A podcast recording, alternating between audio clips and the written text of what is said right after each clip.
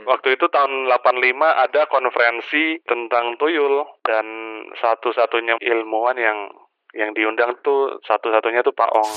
Dan seperti yang kita rasakan sampai sekarang, Ibu Mega masih memegang peranan politik yang besar sampai saat ini. Ya. Gitu. Jadi lo ini ng- ngatain Bu Mega nih kayaknya nih. Semua prasangka berasal dari aktivitas duduk diam. Ini yang bikin bikin gue agak tersinggung gitu, kan gue banyak duduk. Ya. Demikian disampaikan oleh Friedrich Nietzsche. di bab satunya itu yang menarik gue. Oh iya, memang ini filsafat. Nih filsafat tuh kayak gini, bukan? Ini di bab pertama dia udah bilang, walking is not a sport. Saya malah lebih memilih naik gojek gitu.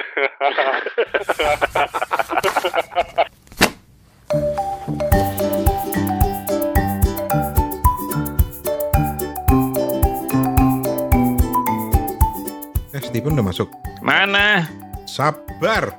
Mana kau Steven, kau Steven. Selamat malam. Selamat malam, saudara-saudara. Jadi gimana? Bawa apa ini? Bawa buku apa ini? Mau ngomongin buku apa kita? Kalau bukunya Bang Rane saya lihat tuh, wah ini nih cukup ini ya, cukup berat ya. Yang mana? Yang mana? Yang mana, Fen? Yang filosofi berjalan itu. Yoi, keren bagus itu. itu, bagus itu. Keren itu. Oke. Lu bukannya waktu itu pernah pernah ini pernah naruh di Instagram lu, lu sendiri lu baca? Belum belum, mungkin di lapak lain. Gue yang masang di Instagram tuh gue. Dan gue nggak tahu ya Rene Books ini promosinya gila-gilaan ya. renebook.com. Itu sampai bikin apa nge, nge- nge- eh, ngiklan di Instagram tuh sering banget. Oh iya. Tapi ambil terjemahannya, ambil copyrightnya bener nggak tuh? Ininya Rene. Masa masa dia berani nerbitin copyrightnya nggak di nggak benerin?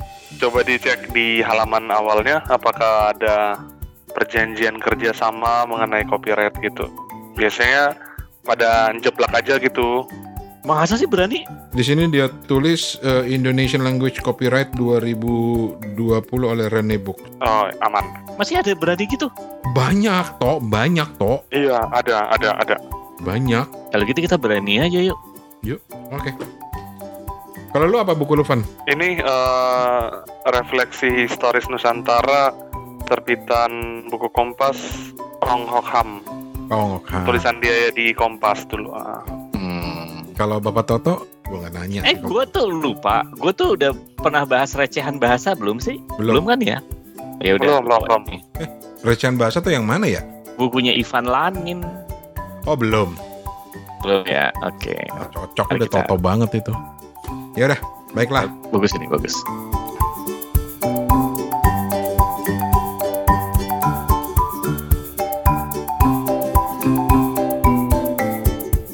Tes tes. Oke, pokoknya gue langsung rekam aja dan ini adalah edisi yang selalu kita sebut sebagai edisi kembali ke hitah.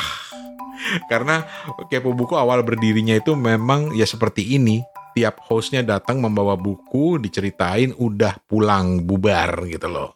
Walaupun ke sininya Hmm. jadi ada wawancaranya, ada baca buku barengnya, ya itu Mm-mm. eh, eh, bagian dari upaya kita untuk bikin eh, apa namanya kepo buku ini lebih menarik. Tapi sekarang kita lagi kangen kembali ke hitah, kembali ke masa lalu, kembali ke awalnya kepo buku dengan membawa buku Kembali ke- masing-masing. Kembali ke jati diri kita. Ya opo, Ya apa sih? ya opo le. Eh jadi kita akan ke siapa dulu? Siapa dulu yang mau? Yang mau jadi relawan? Terus apa? Saya Katanya bahas buku. Iya, Mbak. Kok sih wira, wi, wi, Bahas wiryawan sih? Tadi Steven duluan tuh udah saya tuh, Steven tuh. Oh iya iya. Oke. Van, oke. lagi baca buku apa, Van? Ada sebuah cerita dulu nih bang. Oke, Kira-kira. oke. Gue demen nih kalau udah cerita sama Steven nih. Jadi ceritanya tuh ketika zaman Baola ya. Mhm. Kalau sebuah kerajaan tuh lagi pacaklik atau gimana gitu ya. Jadi si raja ini akan memanggil saudagar Tionghoa gitu. Mhm. Jadi apa yang disajikan oleh si saudagar ini adalah seekor bandeng gitu ya. Ikan bandeng. Iya, se- sebuah bandeng gitu. Seekor. terus terus terus lu lagi cerita nih orang dengerin lu seru nih. Nah, ketika ini eh, diliatin kan, wah kok cuma bandeng doang. Hmm. Lalu si saudagarnya nih langsung nyeletuk. eh, Duhai Paduka, coba lihatlah eh, si Bandeng ini gitu ya. Hmm. Nah, ternyata di matanya si Bandeng ini ada berlian dua. Wih. Jadi zaman dulu tuh benar-benar apa ya? Membawa sesuatu ke raja tuh demikian ini ya. penuh makna gitu ya. Iya, selain Hmm. penuh makna, terus eh, apa yang dibawain itu juga nggak tanggung-tanggung gitu ya. Hmm. Berlian di Di matamu. di Oh. di ikan di ikan bandeng gitu. Ikan bandeng. Iya, ini kisah di dalam buku yang berjudul dari soal priai sampai Nyi Blorong. Refleksi historis Nusantara. Penulisnya Ong Hok Ham, penerbit buku Kompas. Tunggu tunggu. Kayaknya kumpulan tulisannya Pak Ong ya. Iya, betul. Gue suka tuh dulu tuh baca nih kolom-kolomnya Ong Ham nih Di mana? di Kompas. Oh, di Kompas. Kirain di Kompas. Lanjut Van, lanjut Van, lanjut Van. Mm-mm. Jadi buku ini tuh berisi artikel-artikel Pak Ong yang dimuat di Kompas Hmm. dari 1980 sampai 2002, kira-kira gitu ya. Kayak Em, gitu. Banyak hal ya yang dibahas di buku ini, misalnya saja di bab 1 negara Hmm. pegawai dan perekonomian, bab 2 perubahan politik dan kekerasan, bab tiga. agama dan kepercayaan, bab 4 manusia dan zamannya. Hmm. Dan kalau diceritain buku ini tentang apa sih? Ini bukunya tentang apa ya? Tentang refleksi kejadian masa itu yang akhirnya dibedah dan digali gitu ya oleh Pak Ong sendiri. Kemudian dia menerjemahkannya dengan luwes gitu ya mengenai makna-makna peristiwa yang terjadi gitu. Aku kira cukup sulit ya untuk tidak menyukai tulisan-tulisan beliau gitu ya. Meskipun terbilang pendek ya, tapi ya eh, sederhana dan lebih mudah dipahami gitu dari mungkin buku-buku teks gitu ya. Hmm. Oh. Dan satu hal yang yang apa bikin Pak Ong masuk koran waktu itu ya. Hmm. Waktu itu tahun 85 ada konferensi paranormal gitu ya Hmm. konferensi tentang tuyul. Jadi berbagai paranormal dan satu-satunya mungkin ilmuwan kali ya, ilmuwan yang yang diundang tuh satu-satunya tuh Pak Ong. Jadi Pak Ong harus memberikan tanggapan gitu ya. Ini tuyul nih sebenarnya gimana sih gitu ya? Hmm. Kenapa waktu itu uh, sampai dibikin seminar gitu ya? Jadi ternyata tuyul tuh juga berdasarkan kepercayaan masyarakat Jawa yang mereka tuh menganggap kekayaan tuh datangnya tuh dari hal-hal mistik seperti itu, eh, Nyai Blorong, dari tuyul gitu. Hmm. Dan mereka cenderung memusuhi orang-orang yang memiliki harta kekayaan yang lebih dari yang lain gitu. Kayak yang di Depok waktu baru-baru ini ya. Dan Hmm. ternyata punya ternyata ternyata masih kejadian juga sampai sekarang masih relevan. Ember. Gue inget tuh eh, konferensi tuyul tuh karena sempet jadi rame di media waktu itu di koran-koran gitu ya ngobrol soal tuyul. Iya, dia pemateri yang akhirnya bikin dia nongol di koran lagi gitu. Hmm. Saya juga uh, tahu ada konferensi ini dari buku tulisan para wartawan Jawa Pos gitu ya, Bang ya. Dan mereka kan disuruh ngeliput tuh ke Solo atau Semarang ya, saya lupa. Hmm, hmm, hmm, hmm. Dan ternyata Pak Ong tuh juga ini membedah uh, peristiwa tersebut di Kompas gitu. Jadi satu Indonesia jadi jadi ngerti juga tentang hal itu. Wih. Dan satu lagi yang mungkin Pangerane Mas Toto tahu, uh, Pak Ong tuh nyebutin kalau uh, pembukaan hotel-hotel di Jakarta dulu tuh harus pakai gamelan gitu ya. Hmm. Apakah Bang Rane Mas Toto tahu kenapa harus pakai gamelan gitu ya? Hmm, nggak tahu. Kenapa? Ban. Ban. Klik klik klik. Kirain tahu. Enggak. Halo, tes. tahu. Kaget gue. Steven hilang baru barusan ngomongin tuyul. Lu gila ada sih? Terus terus terus. Gak terus. tahu. Enggak tahu. Iya enggak tahu. Eh gue nggak tahu. Lu tahu? Enggak. Van? Lu tahu Van? Nggak, nggak tahu juga. Soalnya ini kayak kayak di, di, di mention aja gitu. Ini gila ada sih gua kira ada hubungannya. gue kira ada di isi bukunya. Nggak ada. Aduh ya Allah. Steven emang selalu mengagetkan. Tapi oke, Iya. ini buat temen-temen nih ya yang belum kenal ya. Hok Ham ini apa ya? Dia itu sejarawan terkenal Sejarawan. eh, Betul, mm. gitu ya. Dia dulu ngajar di Universitas Indonesia. Lu pernah diajar dulu? Enggak dong, beda dong, beda dong. Oh, beda. Oh, dia lu enggak, kan- dia dia dia sesekali masih ke kampus gue karena eh, di eh, antropologi itu kan ada di bawah FISIP dulu Hmm, hmm. gitu. Sesekali masih gitu. Tapi gila kalau dia nongol tuh udah orang udah udah nyembah-nyembah banget ya istilahnya udah udah respect banget gitu dan dia tuh udah zaman gua kuliah aja dia udah lumayan sepuh loh. Karena Pak Ong ini kan lahirnya tahun 30-an. Bentar. Oh, oke. Eh, iya benar. 1 Mei 1933. Dan dia dulu terkenal nulis di Tempo, di Kompas, dan tulisannya itu selalu menarik. Tulisan-tulisan tentang sejarahnya itu nggak membosankan gitu. Iya, keren ya. Jadi seperti cerita gitu loh, keren banget gitu. Nah, seneng kalau sampai ada yang menerbitkan kumpulan tulisannya gitu. Dan dan apa yang yang paling lu suka selain cerita ikan bandeng tadi, Van? Gue baru menarik juga tuh Pak, cerita ikan bandeng tuh. Eh, yang aku suka tuh kayak ini ya. Jadi aku bisa menambah kayak apa ya dibilang wawasan. Iya, menambah kayak kepingan-kepingan masa lalu Indonesia tuh seperti apa waktu itu ya. Mm-mm. Itu sih yang menjadi keunggulan dari naskah ini gitu, buku ini. Contoh artikel yang yang lu suka selain tadi cerita soal bandeng tadi. Ya Allah lapar gue ngomongin bandeng. Ya, kalau gitu kita ke ngomongin tentang siapa tentang siapa aja gitu ya. Oke oke oke. Eh, ada bab mengenai Mega dan politik Asia. Oh Tapi sebenarnya yang aku aku suka nih dari buku ini gitu bang, Paung tuh kayak menyentil masa gitu ya. Jadi jurnalisme tanda kutip kepiting yang diterapkan Kompas tuh benar-benar dipakai Paung untuk uh, kritis, untuk sedikit nyelekit. Hmm. Salah satunya tentang gimana uh, seorang pemimpin tuh nggak bisa berkelit deh dikasih sesuatu gitu ya, dikasih hadiah-hadiah yang Hmm. yang sampai seabrek gitu kalau Pak Harto ya sampai dibikin museumnya sendiri gitu ditulis di artikel ini kembali ke artikel yang menarik saya tuh tentang pemimpin perempuan di Indonesia Bu Mega ya Bu Mega. iya Eh, ini ini di tahun 93 nih Bang Mas Toto oke.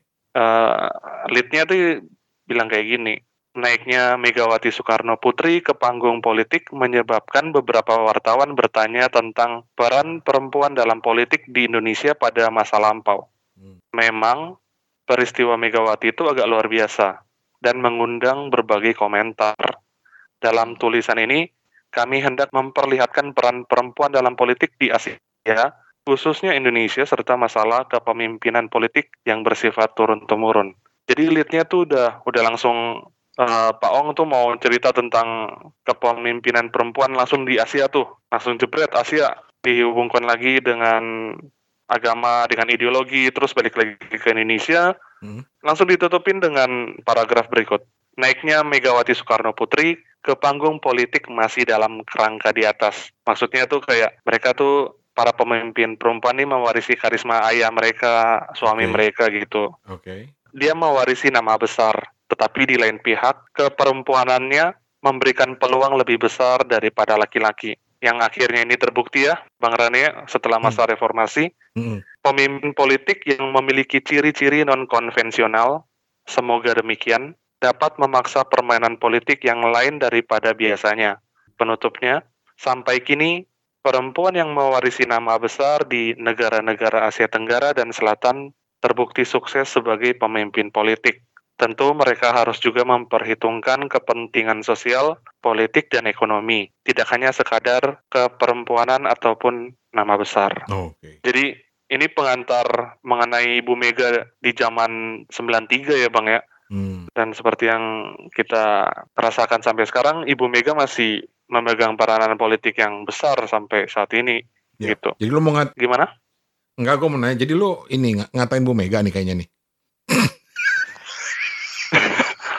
Semoga nggak di ini ya, Enggak, enggak. nggak ditutup. Disclaimer kalau ada yang kalau ada yang denger nih, kalau ada yang denger nih ini yang ngomong Steven bukan gue ya. Oh gitu ya. Lanjut, Van, lanjut, Van. iya.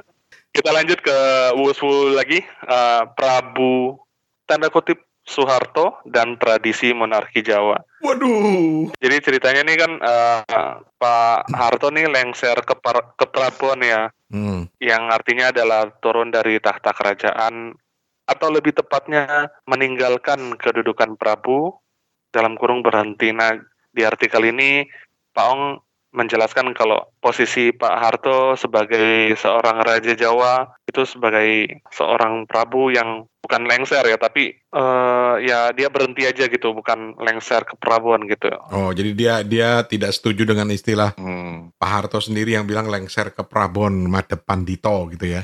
eh dia seperti lebih ke menjelaskan eh, istilah tersebut gitu, menjabarkan ke publik. Betul. gitu. Dan betul. itu yang aku suka dari eh, intelektual yang bisa mendeskripsikan istilah-istilah tersebut gitu ya ke masyarakat umum dan pembaca tuh kayak lebih apa ya, lebih bisa menerima dan mungkin lebih paham gitu eh, fenomena politik yang sedang terjadi. Mungkin itu. Nah, teman-teman kalau kita kemarin di epi- episode kemarin itu cerita tentang buku karya dari Sultan Takdir Ali Syahbana yang juga banyak memberikan pelajaran sejarah, tulisan-tulisan Pak Ong ini juga patut untuk eh, menjadi referensi untuk menjadi eh, referensi yang ingin mengenal sejarah gitu ya, terutama di di zaman Pak Ong hidup ya. Ini ini menarik banget gitu. Karena gue dulu penggemar tulisan-tulisan beliau di Tempo, di Kompas dan Hmm. selalu tulisan itu ngasih background. Seperti kata Stephen tadi tuh soalnya eh, soal lengser ke Prabon itu apa sih artinya dan kemudian dia menyimpulkan bahwa Pak Harto tuh nggak lengser ke Prabon gitu tapi hanya turun aja gitu loh. Karena dia sudah menjelaskan sayangnya belum ada orang-orang sehebat Pak Ong ya sekarang ya yang gaya tulisannya kayak gitu ya Iya betul. Eh mohon maaf ini tadi eh, cerita ikan bandeng bermata berliannya tuh bukan di buku ini tapi di buku On Zeong Ong Hokham dalam kenangan yang ditulis oleh Eka Budianta. oh oke Iya, ini ceritanya Pak Ong dengan Pak Eka nih. dan Pak Ong ini eh, salah satu tokoh Tionghoa yang terkenal di Indonesia. Jadi kalau gue lihat di internetnya ada list eh, apa namanya tokoh-tokoh Tionghoa Indonesia gitu ya yang terkenal. Dan Pak Ong, Mas Eka Budianta itu eh, beberapa di antaranya kemudian ada Arif Budiman, ada Kristianto Wibisono, ada banyak lah, ada Lim Xiao Leong gitu ya dan lain sebagainya. Udah. Ada Sogi dan lain sebagainya. Udah. Thank you Steven.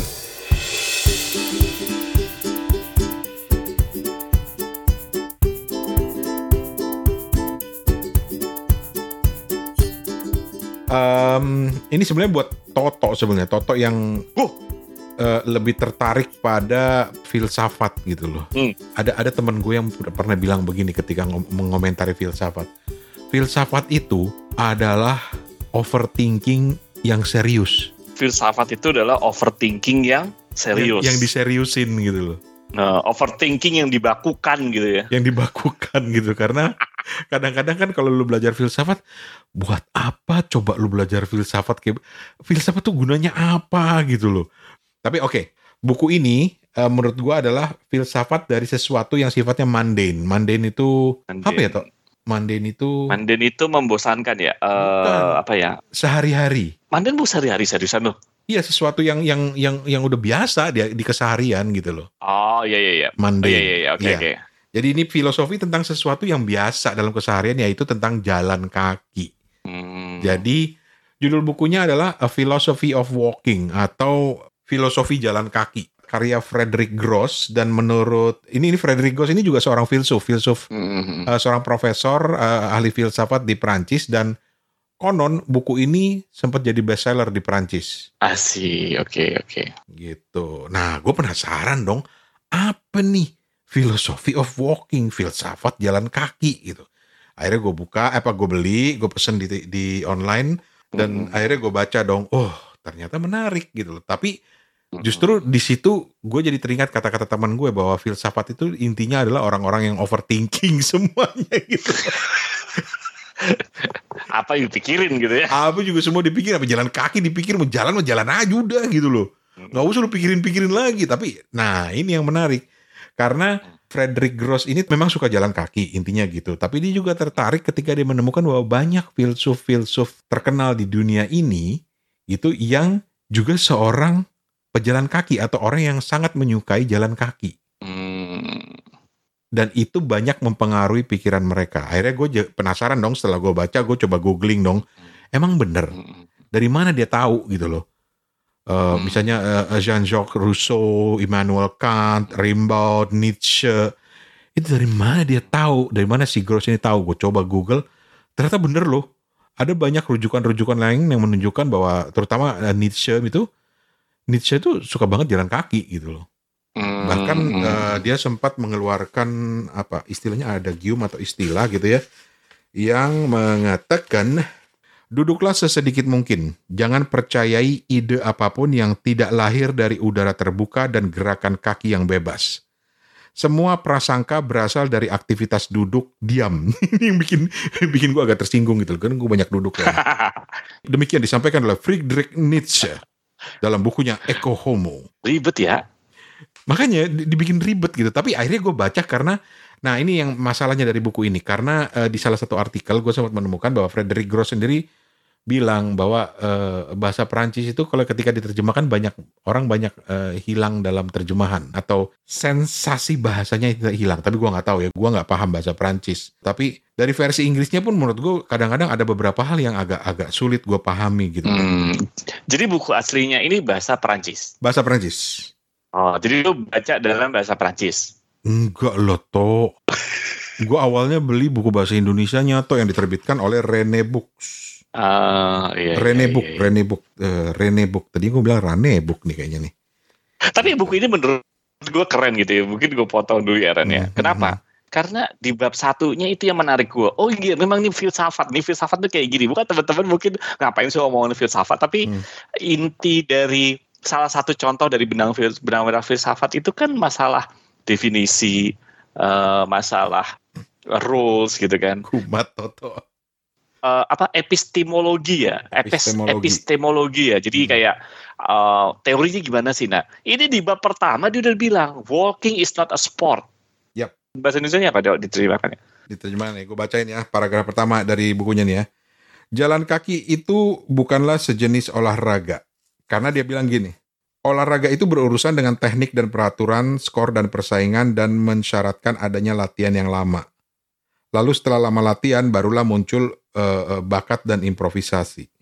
gue gue gue nggak akan eh, at- terlepas dari setuju apa enggak tapi maksud gue inilah filsafat gitu filsafat itu mengkategorikan sesuatu tuh cara berpikirnya tuh kayak gitu gitu misalnya kalau ditanya eh ran eh, makan itu termasuk hiburan atau kebutuhan? Lu Hmm. secara filsafat aku akan jawab gini menurut gue bukan hiburan karena begini gini gini gini gini. Tapi ada mungkin bisa jadi hiburan karena udah lama makan ketika lu makan lu juga begini begini. Karena definisi hiburan begini. Nah itu menurut gue itu filsafat. Dan itu menyenangkan buat gue karena itu melatih kita jadi kritis kan gitu aja gitu. Banyak eh, filsafat yang disebut di sini ya, Rousseau, Rimbaud, Nietzsche, Mm-mm, Kant mm. gitu ya. Tapi gue lebih tertarik pada bagian eh, Gandhi. Nah, karena Mahatma Gandhi ini kan sering disebut-sebut eh, seorang pejuang kemanusiaan dan dia itu dalam dalam perjuangan itu banyak jalan kaki gitu. Hmm.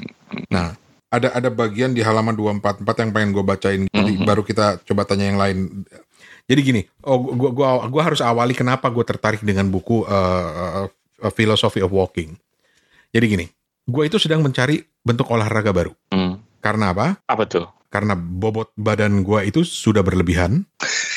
Toto sempat ketemu gue, lu bandingin dong bobot eh, bentuk badan gue yang ini sama terakhir kita ketemu di Singapura kan udah beda jauh ya Tok. terakhir kita ketemu di Thailand Di Thailand nah, beda jauh kan? nah itu juga ada jauh Udah beda Ah, jauh gitu. Nah, oke lari jelas bukan solusi. Walaupun gue oke sempat waktu gue di Jepang gue seorang seorang uh, pelari gitu. maratoner oh. Maratoner 10k, Bo. Wih, gila. Gua aja 10K. belum belum pernah lo 10K lo, Ran. Oh, gue 10k walaupun gue ketinggalan sama nenek-nenek. Tapi emang kalau di Jepang itu emang keren-keren lah ya. Ya, gitu kan. Jalan kaki eh, lari bukan opsi karena itu nggak cocok buat dengkul gue gitu kan ya karena gue udah overweight banget. Berenang gue lagi nggak berani karena banyak kolam renang ditutup walaupun sekarang udah mulai dibuka. Mm-mm. Akhirnya ya salah satu solusinya adalah jalan kaki. Iya dan buat gue jalan kaki itu banyak membantu gue tidur gue jadi lebih enak gitu dan mudah-mudahan juga berat badan gue juga lebih turun gitu. Nah dari situ gue tertarik eh, untuk eh, olahraga jalan kaki gitu dan ketika gue menemukan buku ini, wah ada filsafatnya ternyata. Hmm. Gitu. Walaupun setelah gue baca, "Hmm, ini buku lebih cocok buat Toto bukan buat gue nih. Tapi oke, gue mau bacain yang Gandhi dulu nih, baru-baru kita ke, ke baru kita ngobrolin soal jalan kaki. Mungkin Stephen juga seorang pejalan kaki, gue nggak tahu. Dia bilang gini, Gandhi itu sudah lama menganggap pentingnya manfaat spiritual dan politis berjalan kaki, spiritual dan politis. Uh, Di London saat dia masih amat muda, dia teratur jalan kaki 5 sampai 15 km setiap hari untuk menghadiri kuliah-kuliah hukumnya dan mencari restoran-restoran vegetarian. Karena dia vegetarian kan? Nah, perjalanan-perjalanan itu membantunya memenuhi tiga sumpah yang dia ikrarkan kepada ibunya sewaktu meninggalkan India. Tiga sumpah itu adalah tidak mendekati wanita, tidak minum alkohol, dan tidak makan daging. Dan juga menguji keandalan sumpah-sumpah itu dan mengukur keajekannya sendiri.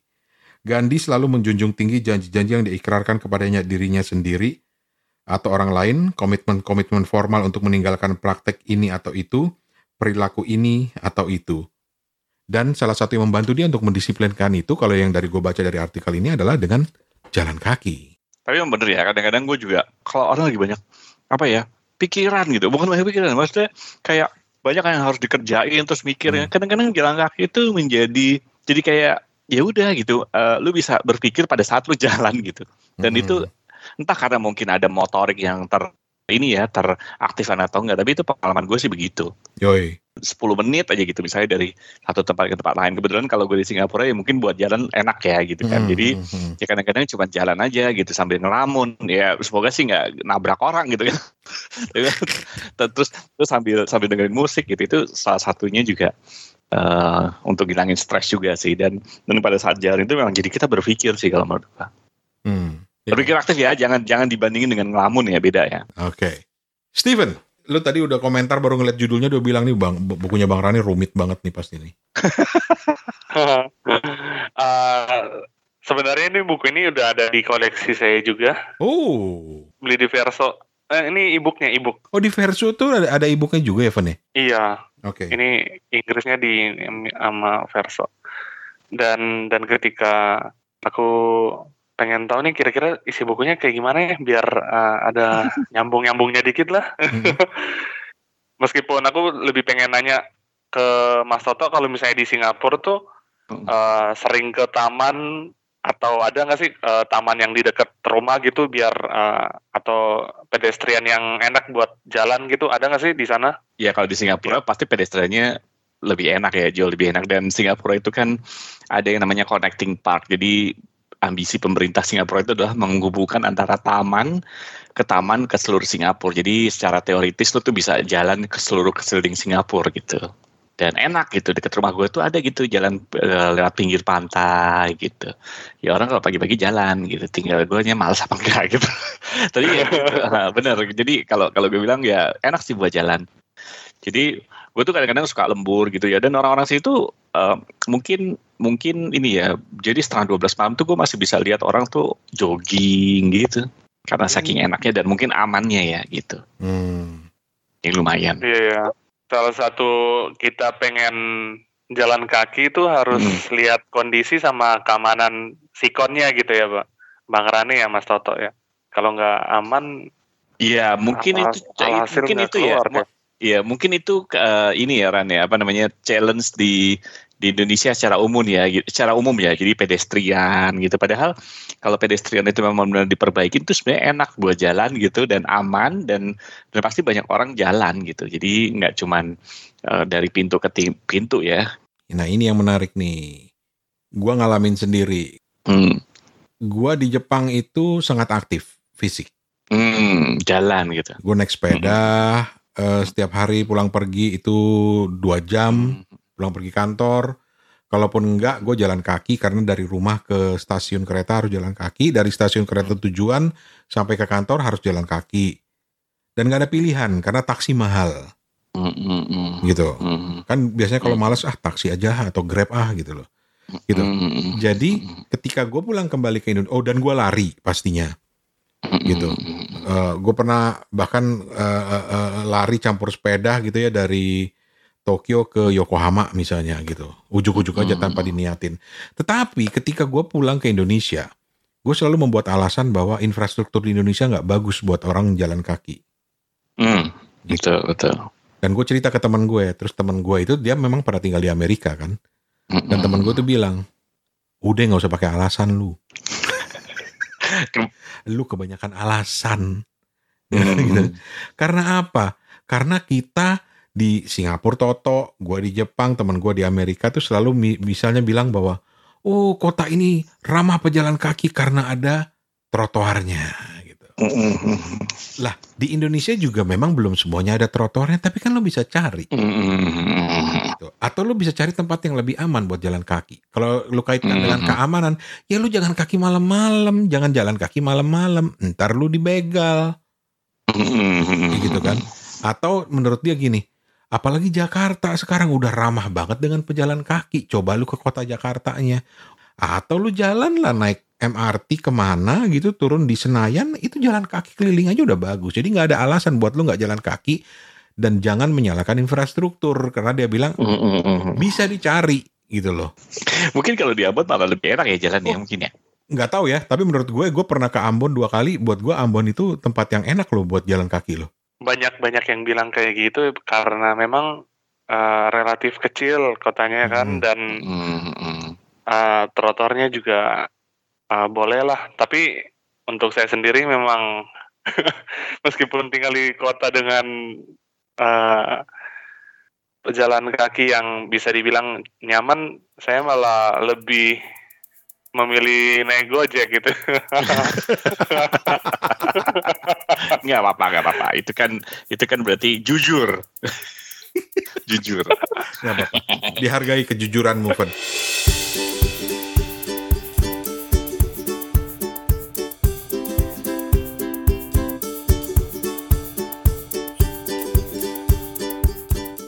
Jadi kembali ke buku. Philosophy of Walking ini, Yep. pada akhirnya ya ya menurut gue walaupun berat sih buat gue mungkin karena faktor bahasanya ya gue udah bahasa baca bahasa Inggrisnya ada bahasa terjemahan bahasa Indonesia ada beberapa hal yang kok menurut gue nggak nyambung terjemahannya atau atau nggak nyaman dibaca gitu walaupun secara logis oh ini Hmm. bener sih maksudnya gitu loh Mm-mm. gitu tapi ya ya kalau uh, teman-teman suka jalan kaki dan ingin mempelajari ini ingin membaca ini untuk sebagai apa ya menyemangati eh, kenapa tidak gitu Hmm, betul. karena Mm-mm. karena pada akhirnya Hmm. walaupun dibilang philosophy of walking filosofi jalan kaki seolah-olah ini overthinking banget kegiatan Mm-mm. sederhana seperti jalan kaki kok di overthinkingin sampai ada filosofinya segala macam. Tapi salah satu kesimpulan yang diambil dari buku ini adalah bahwa jalan kaki itu harus menyenangkan gitu loh. Simpel aja sebetulnya eh, apa namanya? Lu cuma perlu Iya. badan lu, lu per- cuma perlu kaki lu udah jalan gitu loh. Betul betul betul. Eh, eh, apa namanya ya? Eh, salah satu misalnya di bukunya ini bilang eh, cocok untuk orang-orang yang paling santai sekalipun gitu loh dan eh, menguat- kalau di di The Guardian ya dia blurbnya itu dibilang eh, gaga- menguatkan gagasan bahwa hidup itu sederhana dan bahagia. Hmm. sesederhana lu jalan kaki ke mana-mana gitu loh. Karena kadang-kadang kan kalau gue nih salah satu keluhan gue bukan hanya pada wah infrastrukturnya nggak bagus di Indonesia di Jakarta gitu, tapi apa keringetan men, Iya kadang-kadang kita tuh ini ya terlalu banyak excuse. terlalu banyak excuse. Padahal teman gue bilang lu kan tinggal pulang aja kalau pulang kan lu udah nggak nggak nggak ribet lagi kan sampai rumah langsung mandi ya udah jalan kaki. Mandi betul betul. Dan ini ini kutipan satu lagi kutipan lah gue mau sharing karena gini Hmm, hmm, hmm. bukan hanya sekedar untuk olahraga tapi jalan kaki itu kalau menurut buku ini dan itu juga gue percayai Hmm, adalah kesempatan bagi lu untuk bicara dengan diri lu sendiri. Karena ketika lu jalan kaki itu adalah salah satu momen di mana lu sendiri, Refleksi. refleksi gitu. Ini ada ada kutipannya nih, ada blurbnya juga sih. Hmm, Berjalan kaki itu memuluskan hubungan nyata dengan sang diri yang bukan dari jenis introspeksi yang tak jelas melainkan dari jenis pengkajian diri yang seksama. Iya Seru kan? iya. Karena ya itu tadi ada ada salah satu bagian di buku yang itu yang bilang jalan kaki itu adalah me time yang menarik gitu loh. Sementara me me time buat gua adalah ketika gua lagi di kamar mandi gitu loh. Me time lu bukan pada saat makan enggak? Karena gue paling nggak suka makan sendiri. Oh lu gak suka makan sendiri? Iya. Oke oke oke. Harus Gitu. ada temennya ya. Iya. Harus temennya. Tapi ketika mengeluarkan hasil makanannya, nah itu me time gue tuh. Nongkrong. gitu ya, sambil Nongkrong. mikir, mikir Sambil- hidup, Sambil baca. pikir politik, yang nggak penting-penting kita pikirin gitu. Yang yang bukan di di luar skop kita kita pikir-pikirin gitu. Betul. Dan justru ternyata bener juga ya. Ketika berjalan, pikiran lo itu jadi buat gue sayang banget kalau dibila- dibiarkan kosong gitu. Lu kesempatan bagi lu untuk ber kontemplasi atau untuk mikirin sesuatu karena itu kan akan mengalihkan perhatian lu dari kegiatan atau kepenatan eh, berjalan itu sendiri gitu dan salah satu hobi yang gue paling suka kalau gue lagi jalan adalah gue dengerin podcast dan wah itu satu-satunya kesempatan di mana gue bisa nuntasin podcast episode podcast favorit gue yang rata-rata durasinya itu 45 menitan. Iya iya. iya. Jadi itulah teman-teman eh, buku dari Frederick Gross eh, judulnya A Philosophy of Walking, filosofi jalan kaki. Terus ada subjudulnya di sini 25 rahasia jalan kaki yang membuatmu makin sehat, kreatif dan bahagia gitu loh. Jadi ya Hmm, jangan kayak gue dipikirkan dari sudut pandang overthinkingnya gitu ya, hmm, hmm. Hmm. gitu. Dan kalau dilihat dari tokoh-tokohnya di sini ada Nietzsche, ada Arthur Rimbaud, ada Gerard de Nerval, ada Jean-Jacques Rousseau, Henry David Thoreau, ada Immanuel Kant, ada Mahatma Gandhi. Gue suka yang bagian Mahatma Gandhi gitu loh, sama Nietzsche. Karena yang lain gue nggak terlalu mendalami gitu. Terus judul-judul daftar isinya ya. Mungkin bermanfaat juga buat teman-teman yang mau coba beli. Karena ini lagi gila-gilaan nih jualannya di Tokopedia, eh di Tokopedia tuh kan. Di Marketplace. Marketplace. Ini judul-judulnya ya. Jalan kaki bukan olahraga, kebebasan. Itu juga dia membahas bagaimana jalan kaki itu sebenarnya mem- memunculkan kebebasan dalam diri kita. Eh, terus kemudian saya seorang pejalan kaki yang hebat. Mengapa? Hmm. Itu dari Nietzsche. Kemudian ada juga misalnya mimpi Hmm. terjaga sang pejalan kaki dari Jean-Jacques Rousseau. Eh, terus juga ada bicara soal penaklukan alam liar dari Henry David Thoreau.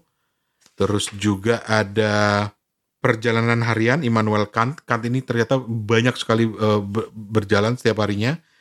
Ada pengembaraan murung dari Nerval dan ada sang pejalan santai yang mengamati kota gitu loh. Dan bagian favorit gua adalah mistikus dan politisi dari Gandhi, Mahatma Gandhi. Itu semuanya ada di buku Philosophy of Walking, terbitannya Rene Book. Keren keren keren. Jadi kapan jalan kaki, Van? Lu jangan gojek mulu, Van. Ya besok. Ya besok deh. Besok bilang besok. Besok aja lu. Dan ini Bang Rane, aku tadi kan sempat sempat lihat yang bagian Gandhi kan, memang dari bab-bab yang ada tuh yang paling eh, kita mau jadikan snack itu yang paling tepat tuh kayak babnya Gandhi gitu ya dan Ya. dan aku baru menyadari kayak sebegitu dahsyatnya kerjasama dalam artian berbaris bersama dan menghimpun sebuah aspirasi itu bisa bisa apa ya bisa begitu fenomenal dan membuat perubahan gitu ya. Aku kira yang di Amerika juga pernah ada yang seperti ini, marching gitu Hmm, hmm, untuk untuk apa eh, mengangkat isu-isu kaum kulit hitam Hmm. dan yang dibawakan di buku Philosophy of Walking itu yang tentang perjuangan India meraih kebebasannya ya dari Yoi. kolonial Inggris. Powerful. Jadi mudah-mudahan nanti ada filosofi-filosofi yang lain yang akan ditulis oleh Bapak Hertoto Eko. Misalnya filosofi apa toh? Putus Philosophy of mancing mungkin. Filosofi mancing, mancing kerusuhan. Toto hilang loh. Tok, iya Tok. Halo. Oh, Oh, iya. salah. Salah mute-nya. gitu. Jadi demikianlah teman-teman eh, episode kembali ke hitah dari podcast Kepo Buku. Saya Rane Hafid. Saya Eko. Eh, putus ya? Saya Toto. Saya Stephen Diambon mengucapkan terima kasih sudah mendengarkan Kepo Buku. Sampai jumpa. Azek.